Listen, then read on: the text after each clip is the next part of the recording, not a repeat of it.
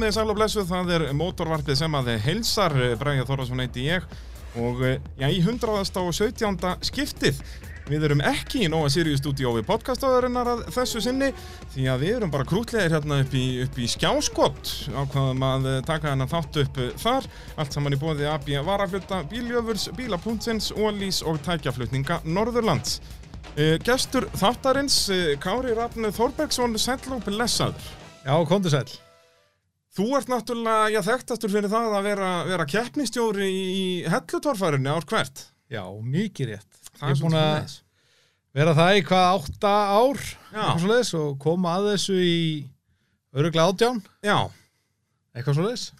uh, koma aðeins í átjanar, byrjaður þá bara á, á skóplunni eða? Já, ég held að það veri svona upp úr 2000. Já. Alltaf, þá svona fór ég að vera í kringum þetta og var orðin, þarna, hvað, 2006, 7, 8, svona, já, var svona, kom mjög, mjög, mjög næri því að sjá alferðið um þetta. Já, akkurat. Svo fór ég alveg í það núna 2011, 12. Tekur þú þá við af honum, uh, hvað hétt hann sem var Svanur. mörg? Svanur, akkurat. Hann var að sjá mitt í mörg ára mitt líka á Það var bara, var hann ekki ára tíu þarna eða eitthvað? Jú, ég held að. Hann byrjar bara, hvað, early 90s eða eitthvað? Ég hugsa það. Hann hafi alveg verið í síð 20 árið eitthvað. Já. Man, man, þú veist, ég man eftir honum bara úr viðtölum hjá Bygga Braga, skiluru, þegar hann í kringum aldamót, sko. Já, algjörlega. Algjörlega. hérna, þannig að hann var í þessu svona þeim tíma. Já, En þú byrjar hérna, já, upp úr, upp úr aldamótum, um aldamót. já, að koma að kemsaldri. Já. Uh, hvenar, sérst, af hverju torfæra? Hvaðan kom þessi áhugi? Það er góð spurning. Mjög góð spurning nefnilega, sko. Ég hugsa, sko, þetta er náttúrulega alltaf hérna í garðinu hjá manni á hellu. Já, Búin að ég fættur upp alveg þar og verið í, í, í þessu. Já. Að horta á þetta út um gluggan og farið með pappa og frenda og allt á þessar keppnir á Já. hellu og við meiri sér fórum þarna upp já, í, kringu 2000 fórum við í Jósundal og við fórum Já. Grindavík og út um allt sko akkurat. En- bara fylgja þessu öllu. Já, pabbi hafði ekki mikið áhuga á þessu Nei, En hann var meira hérna- svona að draga þig með að þú varst að Já, drepa fram ég, ég hafði mikið áhuga Já. og hérna náða hann svona hingað og þangað í þetta Akkurat. Og, og hérna það var gaman að fylgja þessu og, og sé, þegar þetta var að hellu þá náttúrulega kveiknaði strax á hérna að koma að þessu og Og er það ekki þannig, en það að er alveg sama alltaf þegar ég hitt eitthvað frá hellu þá er þetta það fyrsta sem ég verið að tala um er, er já, og það er allir bara, já, hellu torfara maður, þetta er snill veist, er, þetta er bara svona þing á hellu veist, þetta er bara eins og vestmannegar hafa þjóðatíð já, þetta er alveg þannig. Og eins og segið, þú veist, líka hefur við að búin að vera að halda þessar keppnir að það eru kannski 60 til 80 manns að koma að þessu það er bara stór, stór hérna stór hlut alltaf þeim sem búa að það Ég segi það, þetta er haft bæjarfélagi það vita allir, allir um hvað þetta snýst. Já. og einmitt, það alltaf verið vel mætt af þeim sem búa á hellu Já, og bara, maður sér það líka bara á stemminguna á öllu starffólki og svona, þetta er svona hvernig maður að segja, það er allir mjög stoltir af því að vera að vinna á torfærakefnu hellu. Já, já, algjörlega og alltaf verið þannig sko. Já. alltaf allir verið mjög peppari að láta ganga og samheldnin mikil. Já, þetta er náttúrulega fyrir þá sem maður mætt á torfærakefnu hellu, þetta er mjög nálagt bænum, þetta eru bara eins og fugglingflýgur er þetta bara rétt rúmur kilometri þegar ekki, eitthvað Jú, svona eitthvað fröðis, austan við bæn. Aðeins.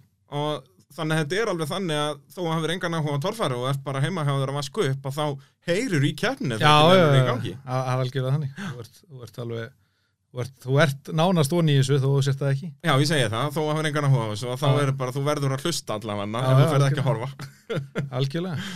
Og það hlýtur að vera eins og segir að, gott fyrir unga krakka sko, að, að eins og í þínu tilfelli það var þetta meira að þú varst að draga fóröldraðin á þetta frekar já, en, en þú veist eins og hver er þín fyrsta minning að torfæru? ég náttúrulega mann bara eftir Gísla G og kókumjölkinni og, og hérna Svona það early 90s eða Já, já, svona Svona, hann er náttúrulega 94, kominn- 5, 6 Já, eitthvað. Já, akkurat. Hann er ennþá mertu kókumjólkin Já, þá er ég sko 6, 7, 8 ára.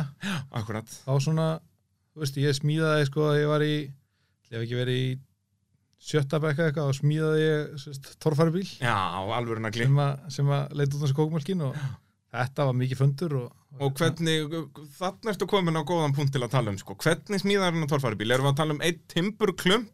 Eða var þetta, hvað varst að vinna með hann það? þetta var alvöru sko. Nú, býtu, býtu Já, við, hann var með sko hann, hann hafði útlitið.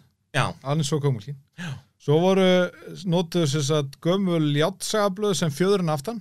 Já, og var á fjöðurum að aftan sem sagt. já, fjöðrum aftan. Og hérna og svo var gormur að framann svo var þetta að beigja, eitt gormur. Já, hann var svolítið svona eins og já, velti stýri á traktor eða eitthvað já, svona í rauninni, þetta er hásingin beigðist öll. já, Já, og hérna en hvað, bara, þú hefur nú vantilega fengið eitthvað hjálp við þetta sjöara drengurinn. já, Var þetta ég, því feðgar að vesanast það? uh, já, eitthvað kom af en úr smiður sko, hann Já. kom nú eitthvað að þessu og ég ætla ef ekki fengið að nota eitthvað aðstöðu þar En var þetta þá, sko, var, var bodyið á honum þá rör og blikk eða var þetta, var bodyið timbur eða Topp, hvernig var já, þetta? botti var timbur sko. Já, en með þá litlum rörum ofan á eða hvað? Já, svo beigði ég úr einhverjum snittheinum með eitthvað veltibúr þetta sko. var bara alvöru.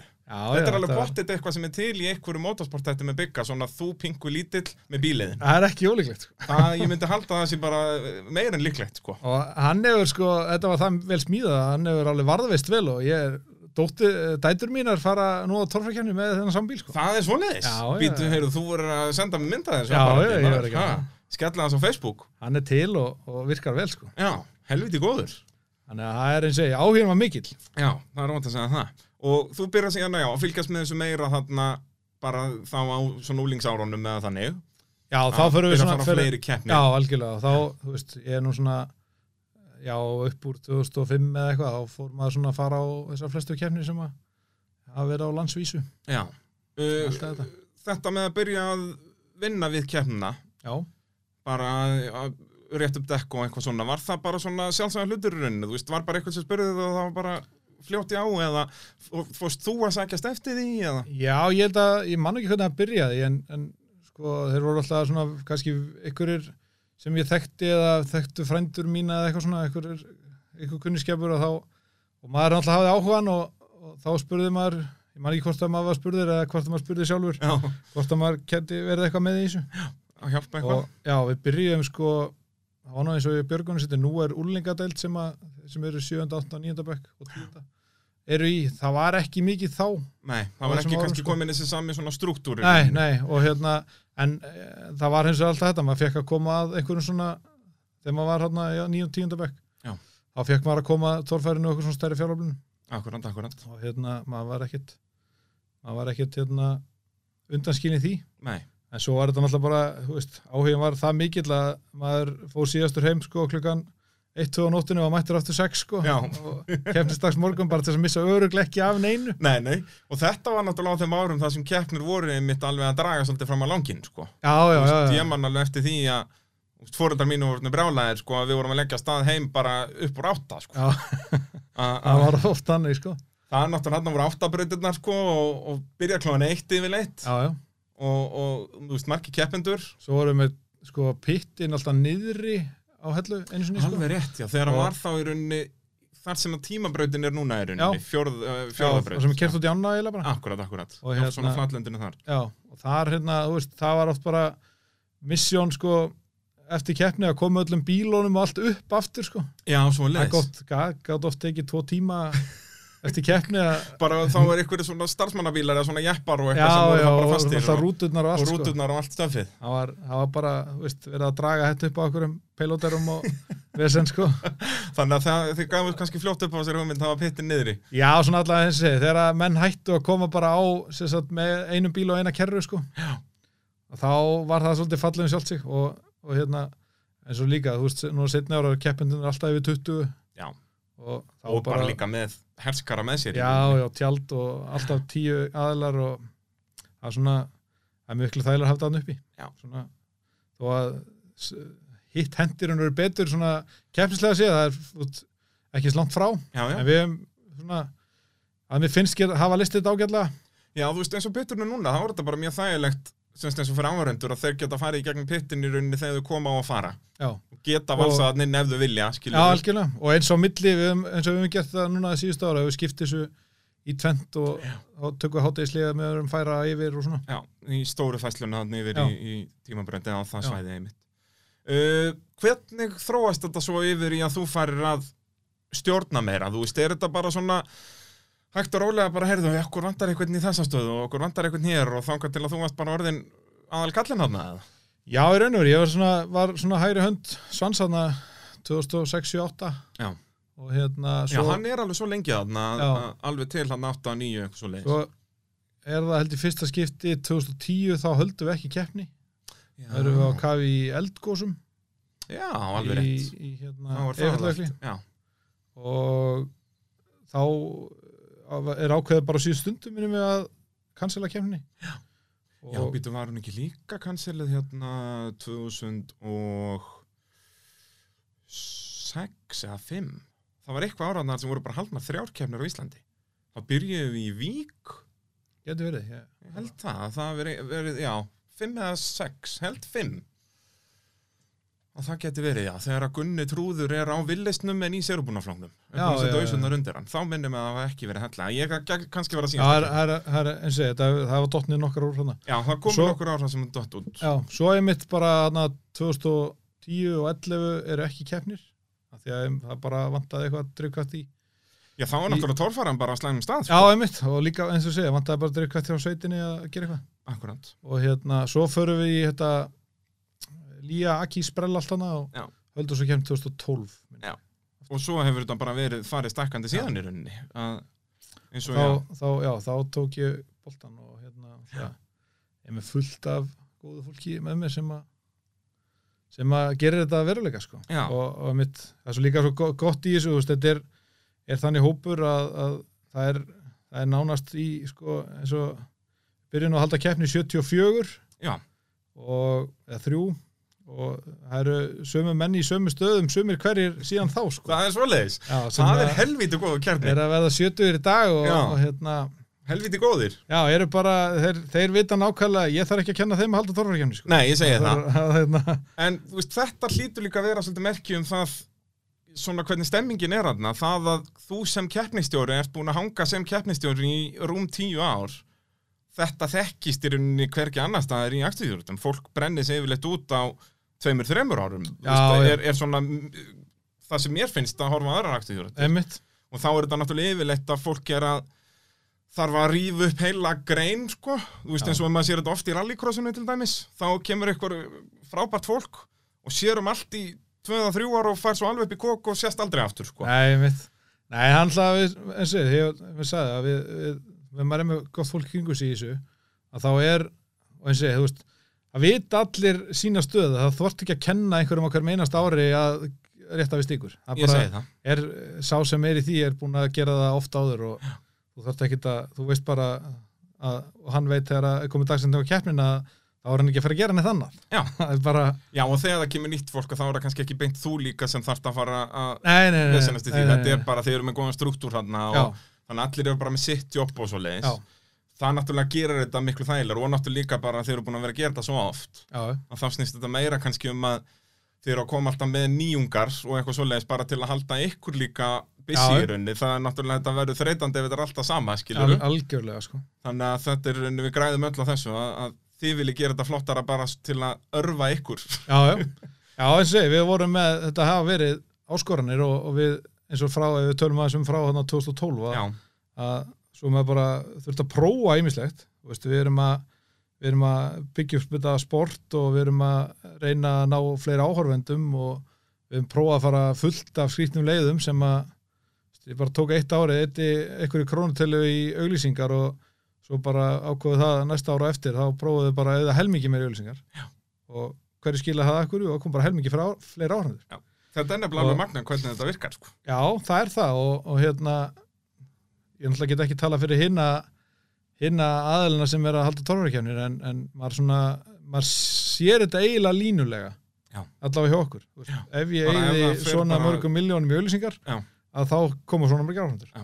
það er náttúrulega bara eins og í öllu skilur ef að við, ef að þú ert að halda útíðáttíð og, og það veit ekki af henni, þá kemur enginn en ef að hún er fyrir fram að nefið á fullt af fólki þá þá kom einhverjir og líka bara þú veist torfara það vita í rauninni allir Íslendingar hvað torfara er svona basically, þetta eru hann einhverjum mjög breyttir jeppar eða svona, já, sérubúin tæki og þeir eru eitthvað að velta í einhvernum brekkum og þetta er snilt. Já, já, ég, ég hugsa að sé allir Íslendingar vita svona mikið um Já, einmitt. og síðan eru kannski svona 10, 15, 20 þúsund sem að vita svona tildulega hvernig þetta snýst um. Já, hafa mætt á keppni Já, hafa mætt setið einu svona keppni, eitthvað, ég sko. segi það, svona síðustu, síðustu áratugina. Mhm. þannig að, að það er nóga fólki og þá er þetta eins og þú segir, bara það snýst þetta um bara að ná til þeirra í rauninni. Algjörlega, það hefur, það hefur bara sé, það sem við hefum séð síðustu ára því fleiri sem við náum inn þessist, já, því fleiri sem vita af þessu því Já, fleiri koma sko.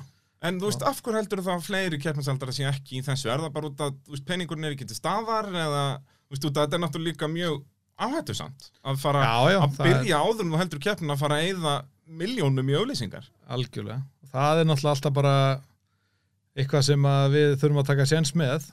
Ég, ég, veit alveg að ég, ég maður hefur séð það síðan 2012 hefur komið einn rigningadagur Já, Það það, er að náttúrulega, hefur- þið eru með eitthvað, eitthvað rosalegt, rosalega díl hann, sko. það sem að hefur einn rigningadagur það sem að rigndi held í halva kemnina sko. Og bara, svo skiptir það bara máli fyrir okkur skilur, er, er rigningamotni í Reykjavík eða ekki? Já, Vist, er, já, já, 100%. og þetta er eitthvað sem að þau verum að hérna að spila auðlýsingarnar að við setjum það yfirleitt ekki í gang fyrir en að einhvern krafti fyrir en kannski viku fyrir keppni Já, svona bara þá, mánudegi já, mánudegi, þriðudegi kannski þá sjáum við orðið hvernig veðri verður og maður veit það ekkert, maður fyrir ekkert að mörg, moka mörgum miljónum auðlýsingar þegar það er grændi rigning sko. Akkurat. Og þá er mitt líka kemur þetta inn sem er svo skrítið að hvernig veðrið er í bænum. Út að fólk nennir ekki út úr bænum ef að það er nei, rigning. það, það, það er mitt máli, það skiptir yfirleitt ekki máli hvernig veðri er á staðnum Já. það skiptir máli Ef það er bara rjóma blíða, þú veist, Já, frá já, nýju til hádegis í bænum, þá kemur allt fólk þó að það sé snjókoma á hellur. það er fáir sem snúa við þegar eru komnir Já, það er svolítið svo leiðis, það er erfitt. þá kíkir, kíkir fólk við Já. en svo eins og ég, þetta, þetta hefur svona þróast og við erum búin að það er engin, engin, engin lög um þetta hvað við gerum í hvert skipti en, Nei, nei. en við hefum alveg verið duglega að taka spjallið um þetta og hvernig við fáum fleira fólk og ég, maður hefur hérna, maður getur alltaf bætt í þessu líka hvernig við marka setjum þetta Já, já. ég er náttúrulega ekki sérfræðingur í því en, en ég, Þú maður ert svona orðin sérfræðingur í því. Þú varst það Funda- ekki 2012, Nei, en ég meina þú, orðin, þú veist aðeins meira en Já, já. heldur en þú gerir 2012. Algjörlega, maður er svona, ég er svona að leita nú setna ára til fólk sem er í þessum geira skilur og Akkurant. uh, þá fer maður að spá ykkur markhóp og þú veist, það er fullt af Bara að ferðu og bara ert automatisk komin í jakkafött og veist ekkert hvað er að gerast. fara að hitta fólk og hvað maður að hérna, hvað maður að eða penning í og hvað ekki og þetta er svona, þú veist, og náttúrulega hægt að fara hundra leiðir í þessu. Algjörlega. að ná til fólks. Uh, Flugbjörgunarsveitin á hellu náttúrulega heldur keppnin eins og flestir vita. Að, þú veist, er þetta svona einn af stærstu fjáröflunar viðburðum sveitarinnar? Eða, þú veist, þeir eru vantarlega þá líka með flugvelda og svona? Já, nei, ekki þannig. Nei, þetta er náttúrulega lang mannfrekasta hérna þetta er náttúrulega bara stort jújú, jú, við, við, hérna, við gerum þetta náttúrulega, hefði búið að gera þetta síðan eh, 1973 í fjáröflunarskinni Já, já, og þannig náttúrulega bara að byrja það já, já, algjörlega. Og hérna, ég held að fleiri voru náttúrulega þessu, þú veist, það var Björgunarsteinu Grindavík held það í mörg ár og, Já, stakkskeppnar voru bara legendary hérna í já, já, dag sko. mörg, mörg ár, sko. Og ég held að það sé náttúrulega þú veist, það er það sem að hefur haldið þessu gangandi að við gerum þetta alltaf ár eftir ár. Já. og, og hérna en svo er það þú veist, það er alltaf kemur alltaf upp þessu umræða eigum við vera að græða á þessu eða en veist, getum, ég get alveg við getum tekið alltaf fólk og haldið eitthvað, annan viðburð Já. sem er þetta sælja, þú veist, tíu þúsund já, ég meina, þú veist, það var þetta útiháttir haldnar í, á- í hérna fjárflunnskinni Já. fyrir einhvern Já, algjörlega, já, ég meina hvort sem að séu samtök eða bara Já, það bara einhver, einhver, kall, sko. sko. Þannig að, þannig að, þú veist, við ákveðum að taka þetta að búa til tórfarakefnir og bara gefist vel. Er náttúrulega mjög heppin með uh, með þetta hvað ég segja, landsvæði sem við erum með Já. og hérna bara hefum átt í góðum samskiptum og, og svoleiðis við landeigendur og, og þeir leiða okkur að halda þetta ef, að- ef að við hefum einhvern hag af því Já. að hérna, þeir, þeir sjá það að við höfum eitthvað upp úr þessu og þá getum við þá le- fá að halda þetta og þú veist, talandi líka bara um þennan gullfallega skurð eða hvað maður á að kalla þetta þarna sem þið hafið þetta er kannski rétt rúmlega skurður. Að það er náttúrulega líka eitt magnaði við þetta, þetta svæði að það, þú getur verið að horfa klippur frá 1973 þá kannski ekki mikið um videoklippur þar en ljósmyndir eða hvað það er og þetta eru sömu börðin. Nákvæmlega, það er náttúrulega bara eina sem hefur breyst að bílarnir fljúa bara aðeins herra já, þá þarf að hérna, reyna að stoppa þetta með einhverjum móti. Já, já, það var náttúrulega verið áskoranir líka að þú veist, þetta er náttúrulega þetta er miklu auðveldara fyrir bílana Já, og við þurfum að smíða þá bara teknískari brautir og, og þurfum, þú veist, ég held að sé já, við gerum það örugglega bara fyrst skipt 2013-14 sem fórum að vinna í brautunum með gröfu og eitthvað Já. svona fyrir keppni sko. til að gera þetta þetta færi úr þessum klöppum sem að bara mæta bílunum Já. í að þetta verði þá frekar 90 gráðu brekka, já, algjörlega við. og það var, þú veist, það var hérna, við prófum fyrst eitthvað sjálfur og svo fengum við svona einhverja kalla sem voru búin að keppi í þessu og oft fengi gamla keppendur og nú til þess að horfa aðeins á þetta með okkur Já. eins við erum að smíða brautinar að fáum við einhverja snillinga með okkur og svona og við erum svona, þetta þarf að vera að blanda af einhverju erfiðu, þetta líka að vera áhanda vænt. Já, auðvitað, en Það það er- er við það er nú yfirleitt árundavænt. Já, já, það er, það er, það er ekkit skemmtilegt að horfa á eitthvað barð og það fer engin bíl upp, sko. Nei, nei, en það samaskapi, sko, ég myndi samt segja að það sé skemmtilegra heldur en að horfa bara sem allir faru. Já, já, algjörlega, sko. Þú veist, Þetta- að, ef maður, þú veist, út að þetta er náttúrulega, og við, ég vil endilega ræða þetta meira við þig, en, en þetta með brautalagningu, að braut sem er oferfið er skemmtilegri heldur en braut sem er oflétt. Alveg sammála því. Þó að auðvitað viljum við alltaf þetta fullkomna scenaríu að einn eða tveir fari upp, Já. en engin annar. Það er svona hinn fullkomna torfæra braut, Já. ertu ekki sammála með þar?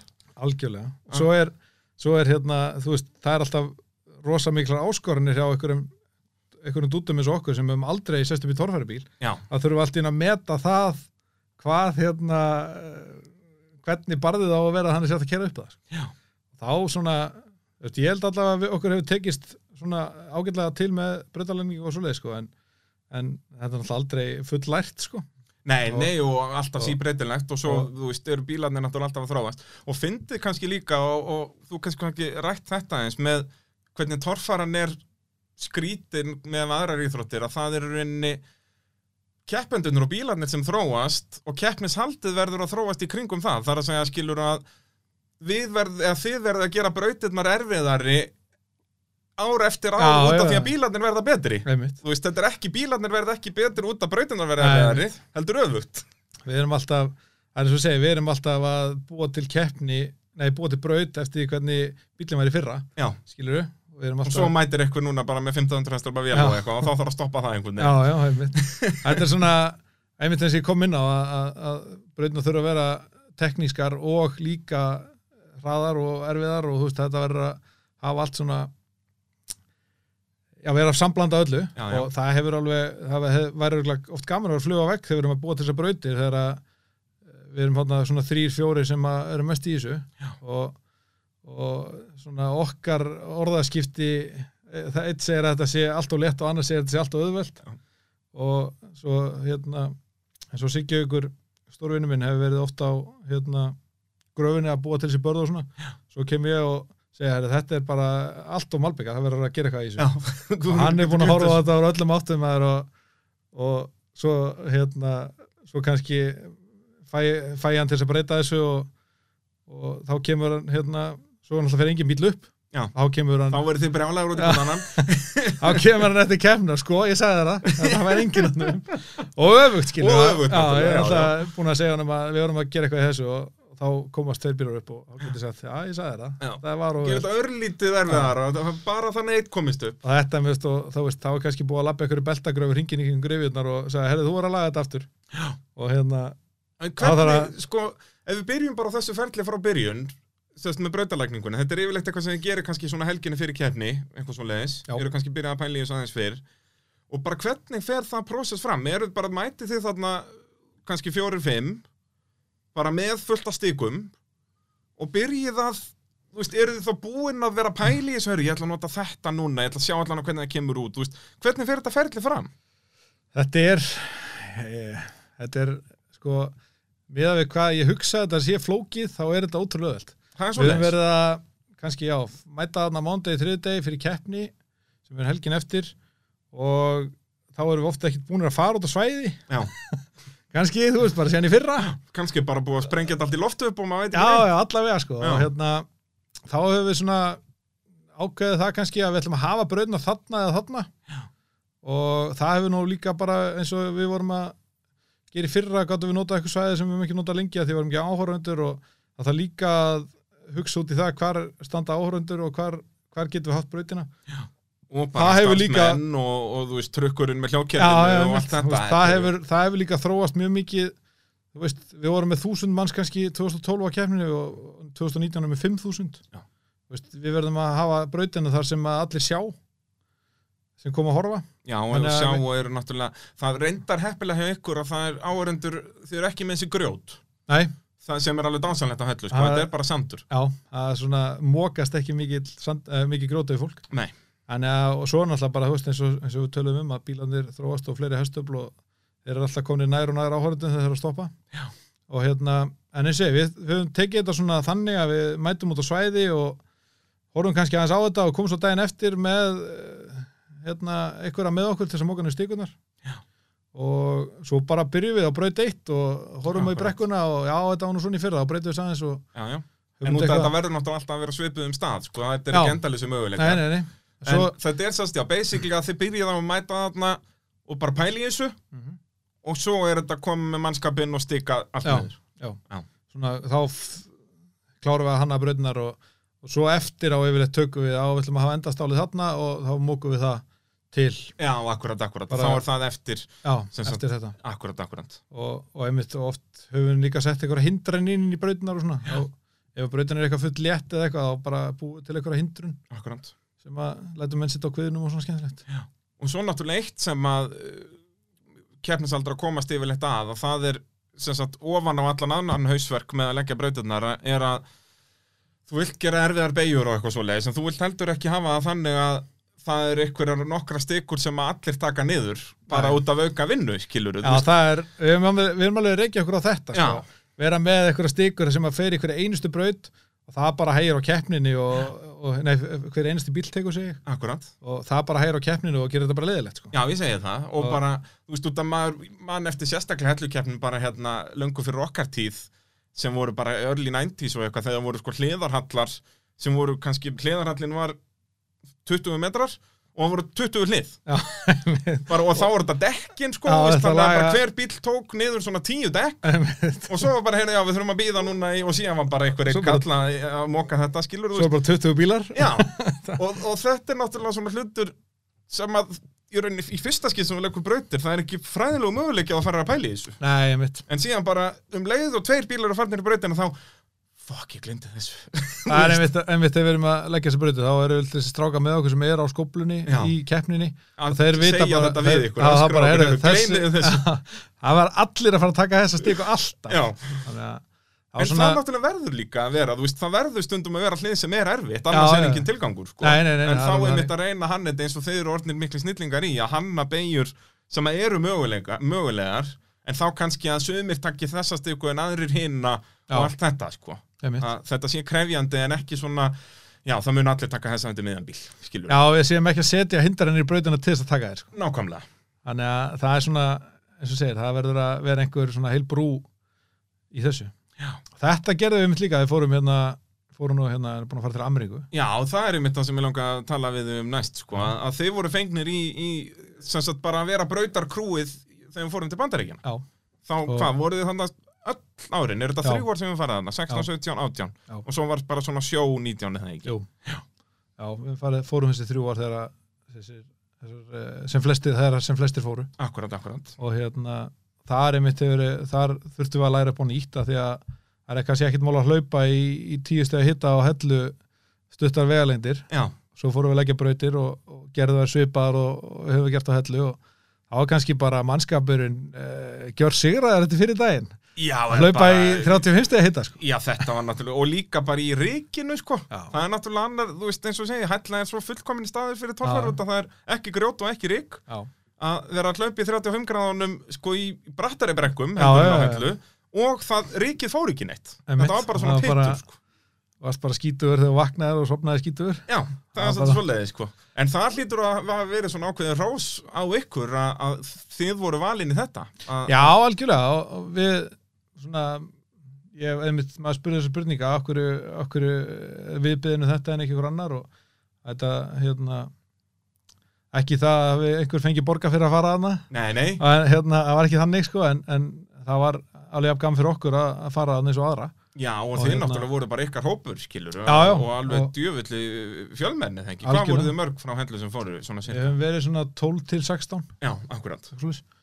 milli, milli um það bil. Já, og, og þegar ég veit ekki, kannski eitthvað úr sem björgunustastörum sem að eh, svona, þú veist, það er engin einhver kongur í þessu sko. Nei, nei. það er allir, það er allir á sama plani. Já, já, og það er einhvern veginn, ég held að það hjálpi svolítið, þú veist, fyrir fólk að vinna saman það er engin eitthvað þessi er ekkit meir en einhver annar sko nei, það er ekki allir- eitthvað svona, heyrðu, ef þessi segir eitthvað, verðum að hlusta hann, sko. Já, það er er þannig allir sko bara, það er, það er allir með öllum, sko. Já, og það er allir að hlaupa í það er engin, engin einhver minni sem er að hlaupa alltaf í sömu stykkuna, þú veist, það Já. er bara þetta er, þetta er eitt verkefni sem við erum að fara að leysa Akkurat, akkurat. og, og það er alveg, það kom allir að því og allir leggja sitt sitt að mörgum 100% sko.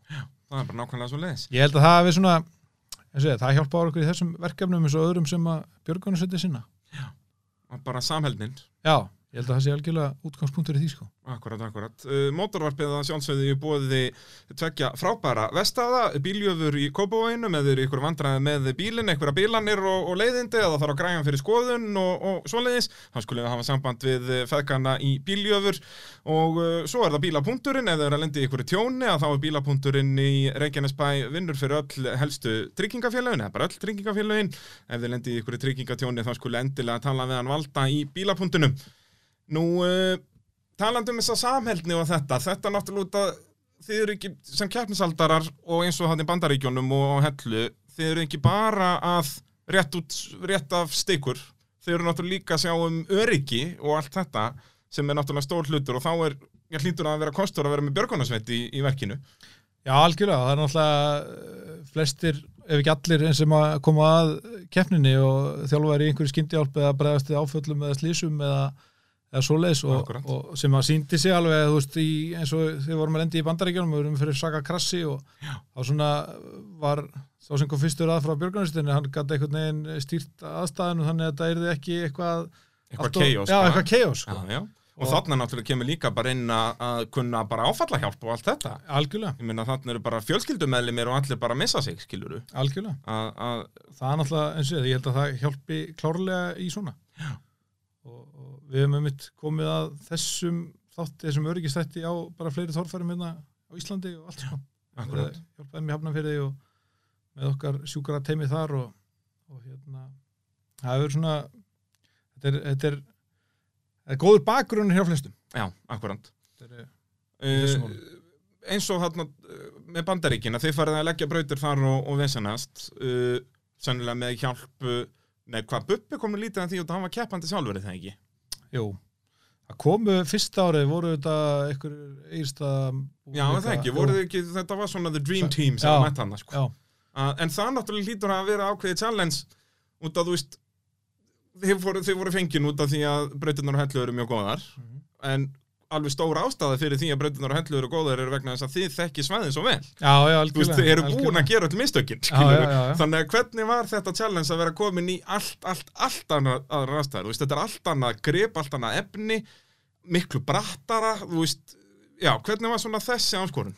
það er einmitt sko þetta er, þetta er einmitt það sem að maður er svolítið erfitt að gera þegar þú hérna, þegar þú hefur ekki kert þorfarbíl og hefur ekki reynsluna að sitja í bílnum og vita hvað hann gerir að þú ert svolítið að svona, já, ert með eitthvað tilfinningu fyrir þessu, ég veit ekki hvað hvernig hún er en, en Nei, nei, En en, það, hérna- hún er eitthvað. hún er eitthvað, Já, allavega ekki, getur gert eitthvað mynd. Já, og ég held að uh, þetta er svona að, þetta er náttúrulega bara torfæribíl og, og þetta, er, þetta er bara, þú gerir einhverju bara eitthvað. Já, en sko, eins og með þetta, þú hefur ekki reynslu með að keira á þetta, þú veist, heldur að það myndi hjálpa þér?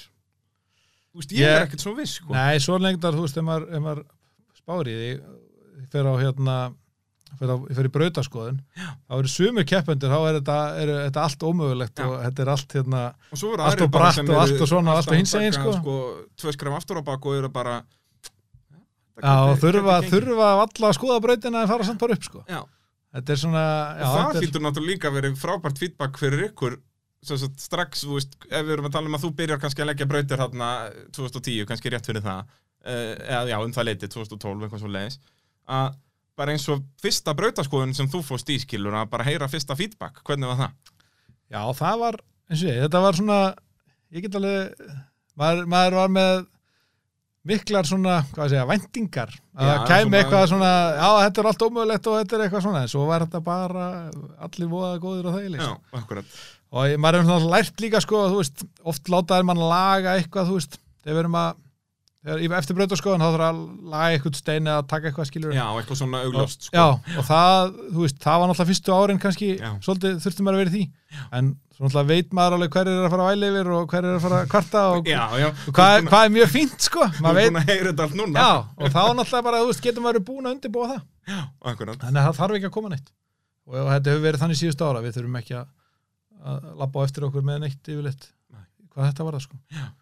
Svona eru búin að gera flest öll mistökin. Já, Það og við vorum með mitt þarna, veist, tókum mann bara eftir held að það verið 2018 þá gerðum við rosa mikið á svona þröngum beigjum og svona teknískum brautum. Mm og að, svo þegar maður fór að horfa það eftir á horfa á keppnina, þá fannst mann að það er bara leiðilegt. Já.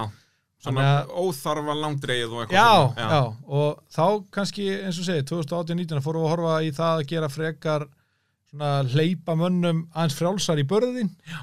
þú veist, þá erum við að fá þessi flug í endabörðunum og Akkurat. erum að fá svona, já, meiri hraða og kannski meiri svona veltur niður og eitthvað svona Akkurat, akkurat. Bara meira aksjón í Já, er meira En aksjón. samt ennþá með þessi, þú veist, hvað maður að segja, hellu treytmörkin sem eru skilur þú kemur niður barð og átt að taka það í beigju. já, það hefur bara, þessi hindrun hefur verið í hver einustu hellukefni frá 1973. Það er bara svo leiðis. að því að við erum ekki með eina brekku, við þurfum ótt að fara niður og upp Já, aftur já, og, og, bara þetta og ég minna, ef að það myndi hætta myndi ég að sakna Já, já, já, En síðan náttúrulega eins og segir, það má alveg vera að passa líka að gera ekki of mikið af því, Nei, sko. og það er eins og og já, heru, við hefum nú geta gert þetta öðruvísi og þá tökum við þann lærdóm með okkur og, og lærum á það og, og eins og að, svo líka bara að maður sér alveg, þú horfur á svona keppni eftir kannski fólk horfur á þetta með mismunandi augum, en þá er maður líka að sjá, þú veist, hvað eru, við erum að gera þetta bæði keppindur og áhörundur, nei, keppindur og keppnisaldarar, Já. er að gera þetta fyrir áhörundur Ég segi það. og hérna og þegar við fáum fagnaðalæti og þegar við fáum mikið klapp og svona að þá sjáum við alveg að ok, þarna gerðum við eitthvað rétt við sendum bílinn þarna og hann þetta hafa sér allan við til þess að komast upp Jep. svo kemur einhver léttbraut og það er svona hum og hæskilur og, og það er, þá veit maður að maður var ekki alveg að gera það hana Nei, nei, og En- líka eins og segir, með að verfið það braut, það er engin, já, þá er hún ekki skemmtileg ég sko. segir það. ef, ef að kannski hindurinn í miðri braut sem að enginn kemst upp Já. þá er, þá er brautin bara ekki skemmtileg Nei, nei, það er, það er náttúrulega það versta, sko, sem við, við sjáum nú ekki mikið að því á Nei, hellu, en maður hefur séð þetta oft, að, að það er engin snertir lokabarðið, sko, Já. það er bara brýtur í manni sálina, sko. sem er kannski geðveikt lokabar sko. Já, já, að því að það er, maður, maður setur oft svona sérstaklega brautur í lengri kantunum, það er oft, oft fínt að bara eh, setja hindrun í miðabraut. Það er ekki ekki, þú veist eins og bara keppnin í fyrra þar náttúrulega réðist svolítið keppnin var það ekki í þriðju braut fyrir eitthvað annari þar sem var erfitt barð í miðjunni Jú. og sem að bara í rauninni hvað Óli Bræi, Gummi Elíja, Snorri og ykkur nokkur aðri komist upp. Já. og það er einmitt þegar- þegar stígin, eða keppnir eru með jafnar Já, Þá er með þarf eina svona sko til að separate the men from the boys Já, eins og maður segir er- sko. það er algjörlega þannig. Og það er einmitt skemmtilegt að, að þetta, þetta er líka alveg erfitt að, láta ekki einn bíl fara þarna yfir heldur kannski helmingin Já, já, sem er náttúrulega, þú veist, já, bara vita vonlust, þú veist, þegar maður er að leggja þetta já, já, það getur verið það sko. Uh, en svona yfir, ef við höldum áfram bara í brautalagningu, mér finnst þetta svo viðfang, viðfangsefni uh, hver eru svona, ef þú horfir á þinn feril í þessu, hvað myndir þú segja að vera stærstu mistökiðin? Hvaða braut svona sérðu mest eftir? er einhver einn svona sem poppar Já, strax upp bara? það var örgulega svona 2015-16 þá letum við ræsa út í mýri á hellu koma niður hérna uh, svona rana sem var mjög brattur. Og það tók eiginlega allir bílarnir eitthvað vatn inn í vélina og það fór alltaf fúska á eitthvað. Já. og það fleitti enginn niður eftir. Býtu hæ, þið letu að ræsa út í mýri. Út í mýri. Og það er stutt fleiting sem sagt uh, sunnast það sem förum það sem bílarnir hafa nú bara verið að keiri yfir þú veist, hérna á traktorskröðunar og svona. Já. kemur svona rani niður, freka brattur að ánni. Já, þannig að þú bara, þú veist, það var ekki sens fyrir að gefa í hana því þá endaður bara á botninum Já, býttu eftir, já, sko. þú byrjaðir í mýrun og fóst í ána eða hvað? Já, raun og verið ekki eftir langa kablan, þetta kom bara stutt fleiting fyrst, Já, svo kerðum við eftir öllum bakkanum og fleitum tilbaka, en við tókum hann í svona U eiginlega. já, Ána. Og eins og ég, þetta, þarna var aðkoman út í ána bara brött. já. Út Þannig af þá ert að koma sem sagt af í rauninni það sem endahliðið er í rauninni Já, bara, þeim megin já, þeim megin. Já. Bara svolítið sunnar nær þjóðveginn Já, þann sem þú fer bara yfir sprænuna en Já. ekki akkurat Já. þetta er lengra síðan held ég heldur en 15 eða 16 Getur við 14 eða eitthvað.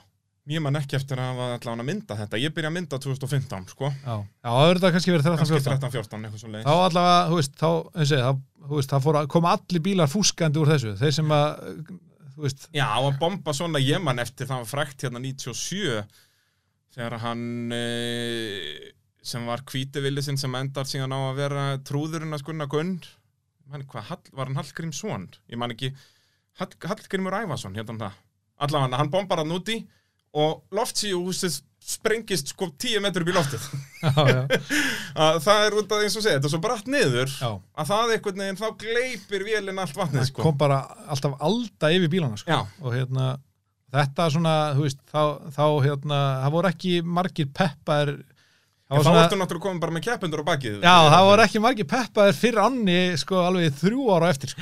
Að það, það fóru bara fimm vélar þarna eða eitthvað og allir með allt inn á sér og Já, ég man Og- eftir þessu reyndar Það var það líka var alveg ferlegt, sko. árið þarna sem að bara Bjarki reynis flýtur yfir engin annar en að fljóta yfir Já, og þá er mitt fóru nokkra vélar, að Ingo við stúta sinni og Já. eitthvað og, og þá er mitt manni eftir þessu að svona stemming keppenda fyrir ánni var Já. að minka sko. já, já. fólk var byrjað að tala að ég nenni ekki sér helviti hellu, við erum að rústa vélum og eitthvað bara, það við erum ekki að fara að sleppa ánni sko. Það var, sko, upp frá þessu líka, svo þarna, var nægt að það myndi allir að vil koma fyrst árið á bílum sínum og þá, hérna, það er ekki bara nesmóti 16, 15. hvenær voruð þið með nes, var það 15? 15? og hérna, þá fórum við svolítið að, eh, svona, alltaf fyrir keppni, að, í brautaskoðun, þá setjum við eh, fína unimokkin okkar út í ána Já, og sýnum þeim hvar má ekki fara. hvar er, út Það af er- þetta var Það er náttúrulega það er agalegt þegar allir fóru með kábátun Já. það er einmitt þannig að það sem fara út í venjulega, það er svona hýlur, Já. eða fara ólangt til vinstri, einmitt það sem gestur fóru á tveim hjólum út. Já, litla þvælan maður Það er hérna, það er svona, það er bara þrýr metrar niður við bakkan sko. Já, En akkurat svo bara ef þú komið svona fjórum eða þreim fjórum metrum á bakkanu þá getur þú náttúrulega slappa þurrum fótum sko. Já. Þannig að við svona höfum farið út í það að sína þeim svona hvar á ekki að fara. Já. Og þá reyna menn svolítið að, að forðast þá staði. Já. Við höfum líka svona, við vorum alltaf að gefa þeim miklu þrengri þrengri hlið í onni. Já, þannig að það væru, þar get ekki nota eirarnar jafn mikið já. Já. Og það eins og, þegar við vorum í því að stýra þeim miklu meira, það var þetta bara leiðilega. Já. Keppindur allir band, bandveitlausir Já, já, og þú veist, og, þú veist það kom allir áhörðundan til þess að sjá bílana keira allarlega yfir, sko. Jep. og keppendunni koma í það líka, sko. Þannig að maður svona lærði það að hafa frekar frjálsar hendur og við mennum verið bara keppin tíman, sko. Sem að eh, er miklu skemmtilega keppni, sko. Já, algjörlega, og þú, þú veist, fljótasta leiðin yfir ef að þú treystið og ert með afli til að fletta þetta leið yfir, þá er fljótasta leiðin að fara beint yfir Já, En svo er líka fínt, þú veist, eins og ég man að Maggi Kuppur var ofta að vinna með þetta að fara bara siksakka yfir, sko já, já, Og það er þá bara fínt fyrir þá sem treysta sér ekki í þetta, skilur já, já. Út af það er líka fullt, veist, ég veit ekki hversu oft ég hef verið að mynda þarna.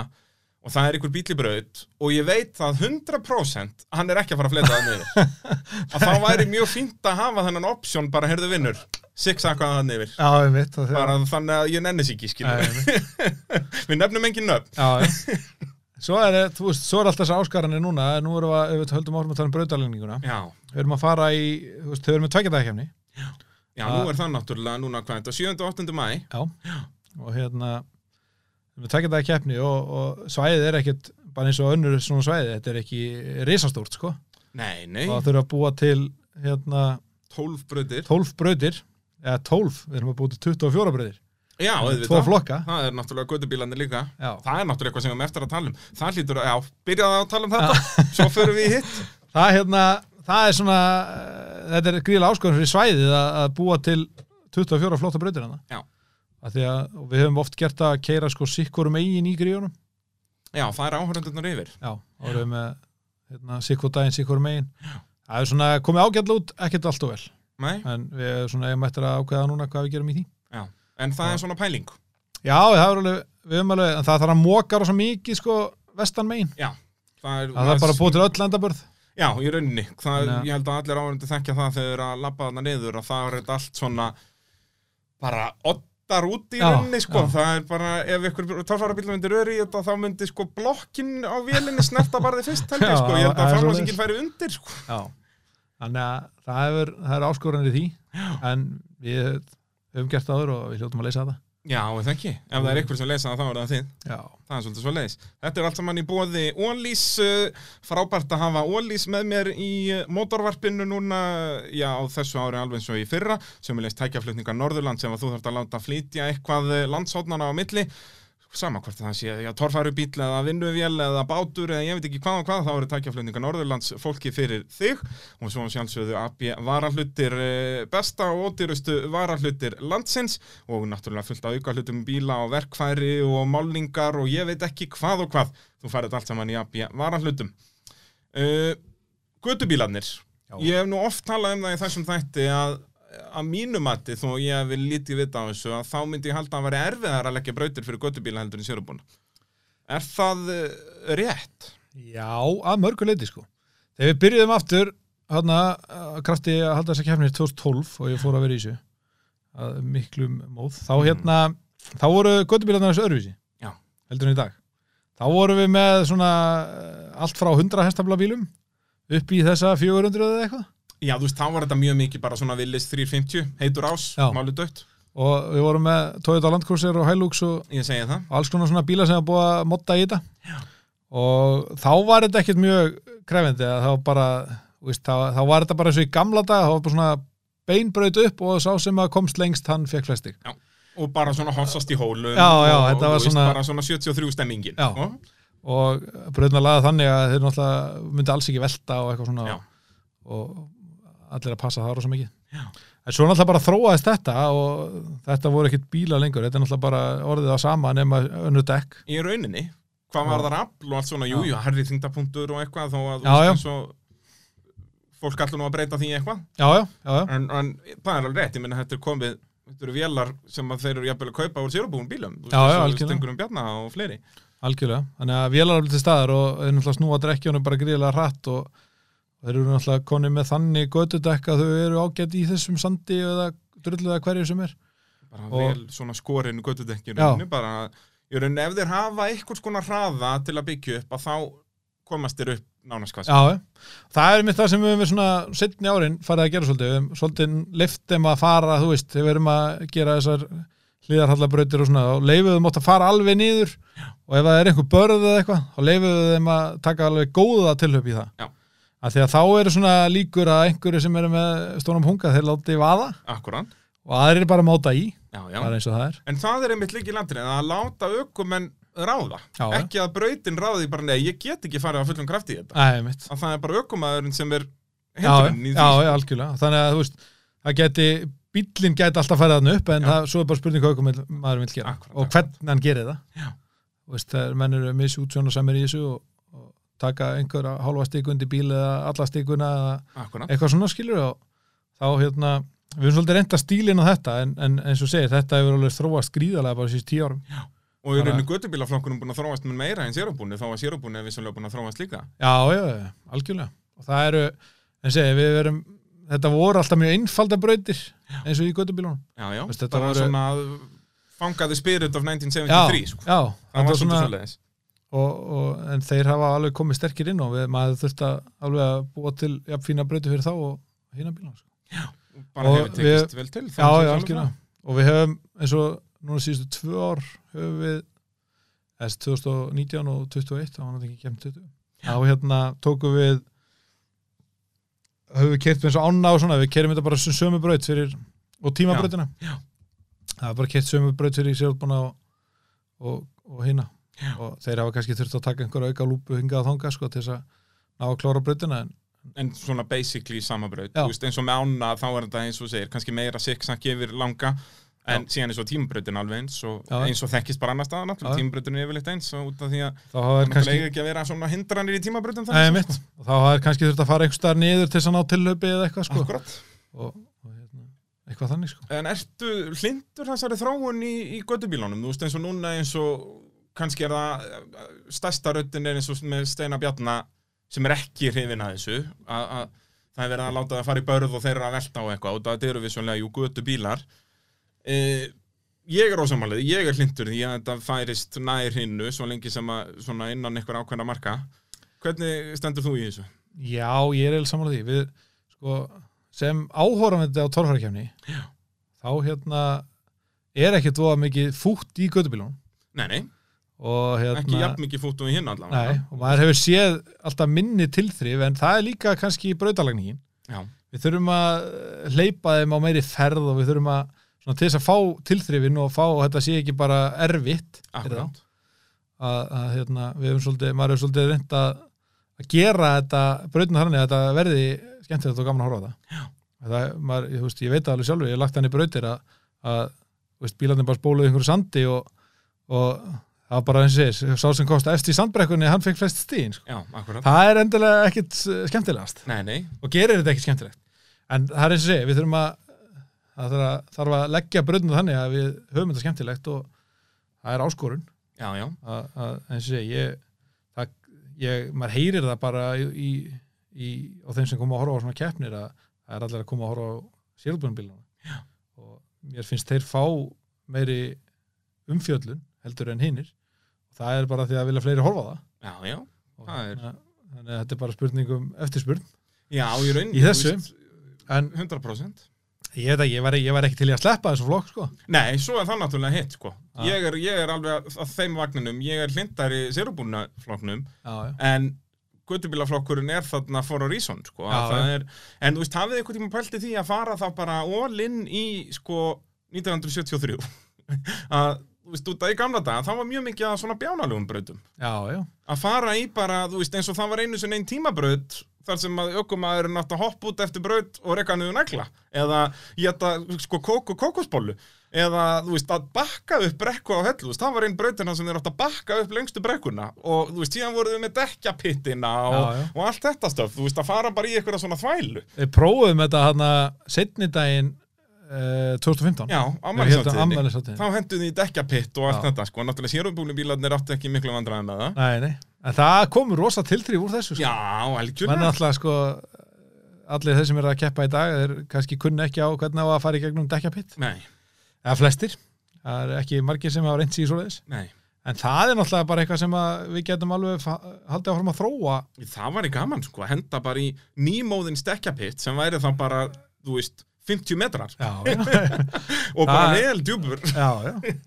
þetta er náttúrulega eitthvað eins og segi, við, við höldum áfram að ef við reynum að gera hana flokk skemmtilega og þetta snýst náttúrulega líka um það eins og var bara vesen í fyrra að fá okkur til þess að keppi í þessum flokk Já, svo er það náttúrulega líka. bara, þú veist, þú erum bara með tvo bíla og bara vesen Já, þetta er, þú veist, þetta verða að vera svona 6-7 bílar.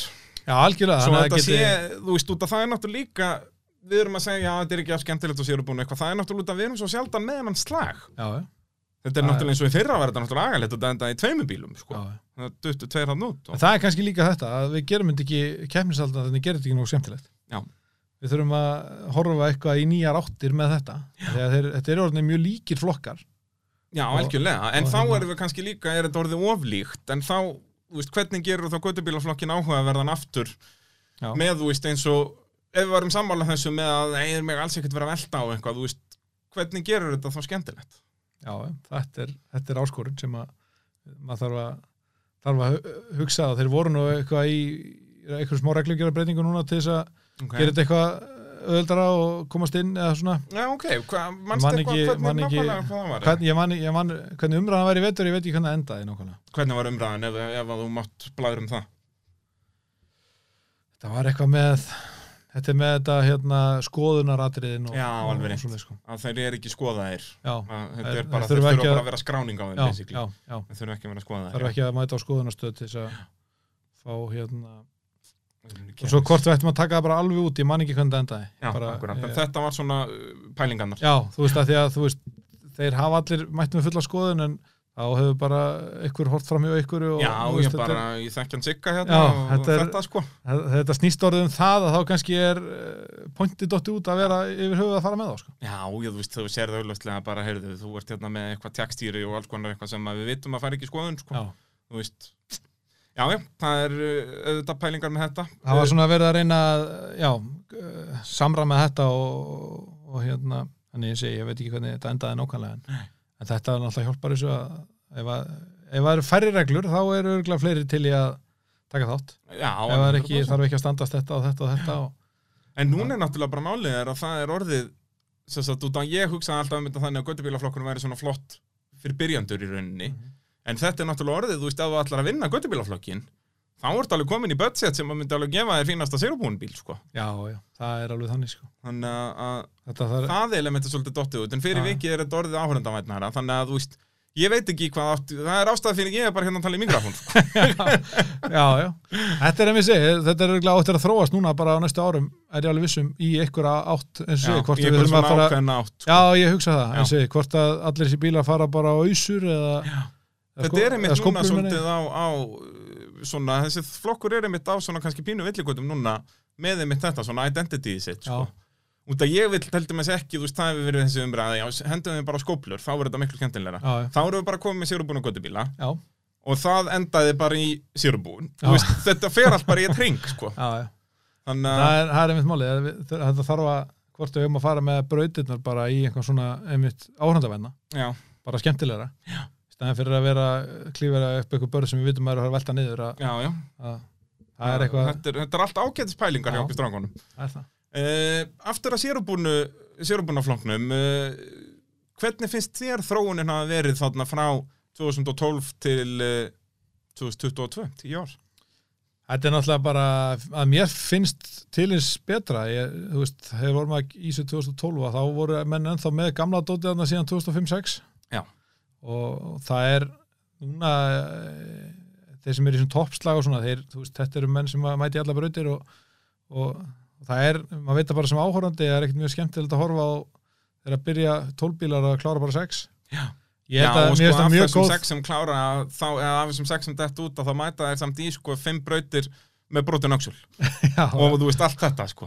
Það er svona, ég, mér finnst alltaf að þessi þróun mjög góð og jú, þetta er náttúrulega allt og miklu peningar í þessu og Já, en ég eru ef þetta heldur áfram á eftir ára þá er þetta greinilega ekki allt á miklu Nei, nei, nei, með, meðan einhver er tilbúin að vera í þessu, skilur, þá, þá er það engin spurning að, að það hefur það hefur uh, augljóslega ekki, þetta er ekki ofdýrt Nei, nei, og þú veist, þetta náttúrulega hefur líka verið gríðilega þróun bara sem að þeim við tengja eftir eins og bara með pittin og allt þetta. Já, bara frá 2012 og runni til þetta var runni komið bara svona á þennan stað bara 16 17, eitthvað svona, myndi segja 15, 16, 17 síðan hefur þetta bara svona aðeins verið að stakka og stakka síðan, en, en það er kannski aðalega þessi árhanna, svona 12 til 15 þar sem þetta er svolítið að springa út og verða bara aftur svona svolítið eins og þetta var, hvað var það vinsældir. Þó er náttúrulega allt í kringum keppni eru raun og orðið flottara heldur en á þessum svona, ég kalli þetta alltaf gullaldar árin sko, Já, allt já. í kringum aldamótin sko, en, en eins og bara pitturinn er miklu flottari. Öll, öll liðin að gefa mert sólgleri og, peysur og plakkut og eitthvað um, umgjörðin er rónin rosa flott sko. og hefur, segi, alla burði til þess að halda áfram að vaksa og dafna sko. Og segi, þegar menn eru komnir á þennan stað að þá er ekkit, það er bara upp upp áram sko. það er nákvæmlega svoleiðis eins og okkar allra besti Píru Johan myndi segja það er Eh, svoleiðis, sko. Hérna eigum við þá ekki bara að tala um keppnina núna í mæ? Jú, við kannski klárum hérna kefni fyrra sem var Já. mjög, mjög skrítin Mjög keppni. Já, Uh, það var náttúrulega engin keppni 2020 út af COVID. Nei. Svo voru keppni árið 21 en engin áhörfundur út af Já. COVID. Það var svona, við, við höfum oft verið með uh, hvað segja, nýjungar. Já, við höfum tekið slæði, við erum alltaf búin að vera fyrsta kefni núna, við vorum alltaf í gamla dag sem síðasta kefni Já. og hérna, við höfum getað verið fyrsta kefni núna alveg, en ekki bara frá ætla- jú, 12 í rauninni. hugsa það og hérna, þá, er þá þurfum, höfum við oft þurft að leita að fara nýja leiðir og, prófa eitthvað nýtt. Já. og hérna, það var við byrjuðum nú hérna 2015 eða eitthvað að senda út í útvarpi allt sem kynninni sagði, þannig að það heyrðist inn í pitt. Akkurant og það komið vel út, þá vissu þeir sem voru inn í pitt hvað var í gangi í bröðunum Akkurat, það er náttúrulega hvað- hendur það svo sérstætt með það að pitturinn sér aldrei neina bröðir Já, einmitt. þannig að það sést ekkert úr pittinum það sem er að gerast í bröðunum þannig að við hefum þurft að leysa það og við, við fórum með þess að hérna, eitt árið þá, þá vorum menn að tala um að við varum svo lengi að kera bílun upp á pittinum að, nei upp úr, úr bröðunum upp í pitt. Þá fórum við í svona rannsóknarvinnu með það hvernig við hvernig, þá bara hendum við torfaribíl upp á sturtuvagn og traktor og prófum að kera með þið fóru veltagrunn bara í og... bara research and development Já, það var svolítið, fórum bara í rannsóknarvinnu. Hvað, hvað væri fljóðlegast Já, og það kom bara á daginn hvað að þetta, þetta hérna, skotbómur eftir að dæmi sem við erum að nota að virka best og það er nú að nota það allir. Já, Já. og bara virkar það og allir kátir og, og hérna. En svo ég segi, fórum við í fyrra í það að senda út beint. Já, og það held ég að hafi ekki verið gert oft áður. Þetta var oft tekið Nei. upp.